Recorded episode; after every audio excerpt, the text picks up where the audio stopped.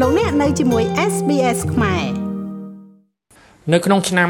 2022នេះក្រមការងារហិរញ្ញវត្ថុ FATF បានសម្រេចរក្សាកម្ពុជានៅក្នុងបញ្ជីប្រភេទដែលមានន័យថាប្រទេសកម្ពុជា នៅតែស្ថិតក្នុងចំណោមប្រទេសមានហានិភ័យលើការលាងលុយកខ្វក់ចំពោះបញ្ហានេះកម្ពុជាបានប្រកាសបដិញ្ញារំដោះខ្លួនចេញពីបញ្ជីប្រភេទនេះ ព្រោះថាបើមិនត្រូវបានដកចេញទេនោះធនាគាររបស់ប្រទេសកម្ពុជានឹងមានឧបសគ្គក្នុងប្រតិបត្តិការ។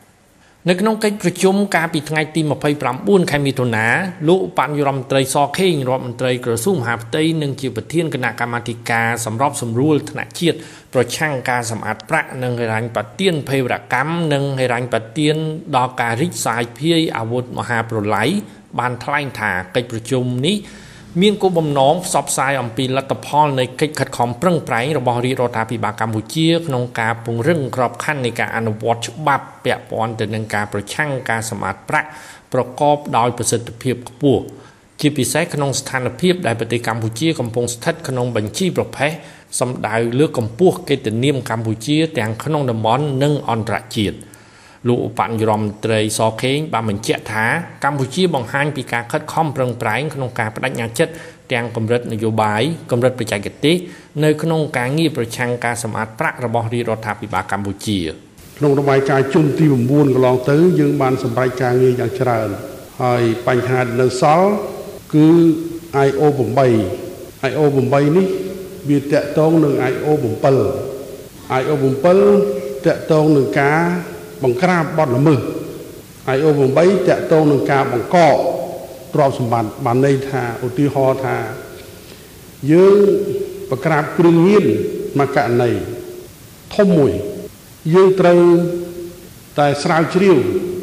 មិនមែនបញ្ចប់ត្រឹមការដែលយើងចាប់រួចហើយយកមកដនទាទោសដោយករណីមួយចំនួនដែលយើងធ្លាប់បានធ្វើនោះទេ គឺយើងត្រូវតែស្រាវជ្រាវឲ្យដល់ឫសគល់ថាតើ ប្រភពធនធានឯណា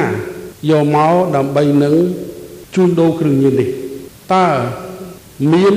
ធនធាន មានទ្រព្យសម្បត្តិរាប់ទាំងថវិកាដីធ្លីផ្ទះសម្បែង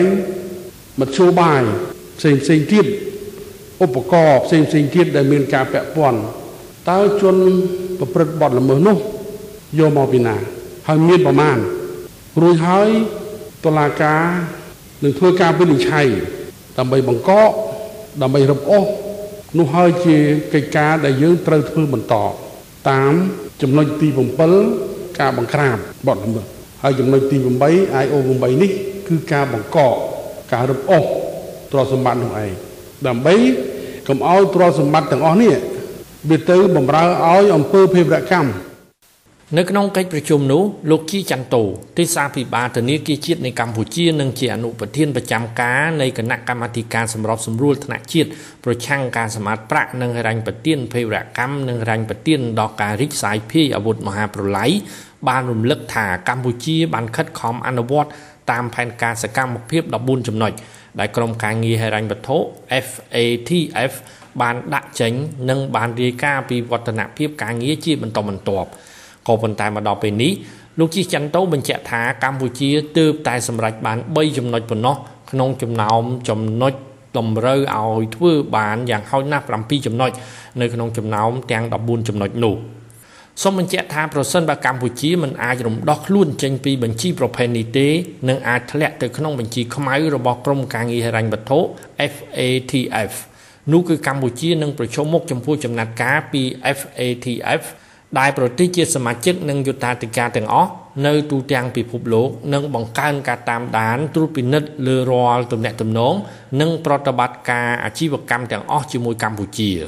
ជាការកត់សម្គាល់មានការលើកឡើងច្រើនពីករណីលាងលុយកខ្វក់ឬក៏លុយខ្មៅនៅក្នុងប្រទេសកម្ពុជាក្នុងរយៈពេលប្រមាណឆ្នាំចុងក្រោយនេះ ខណៈដែលចិនបានចូលមករកស៊ីនឹងវិនិយោគកាន់តែច្រើននៅកម្ពុជាជាពិសេសលើវិស័យអចលនទ្រព្យអាគារខ្ពស់មិនថានៅភ្នំពេញឬក៏នៅខេត្តបរសេនុនោះទេ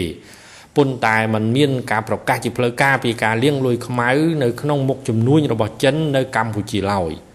ខ្ញុំម៉េងផល្លា SBS ខ្មែររាយការណ៍ពីរាជធានីភ្នំពេញ ង់ស្ដាប់រឿងក្រៅបែបនេះបន្ថែមទៀតទេ ស្ដាប់នៅលើ Apple Podcast Google Podcast Spotify ឬកម្មវិធីដទៃទៀតដែលលោកអ្នកមាន។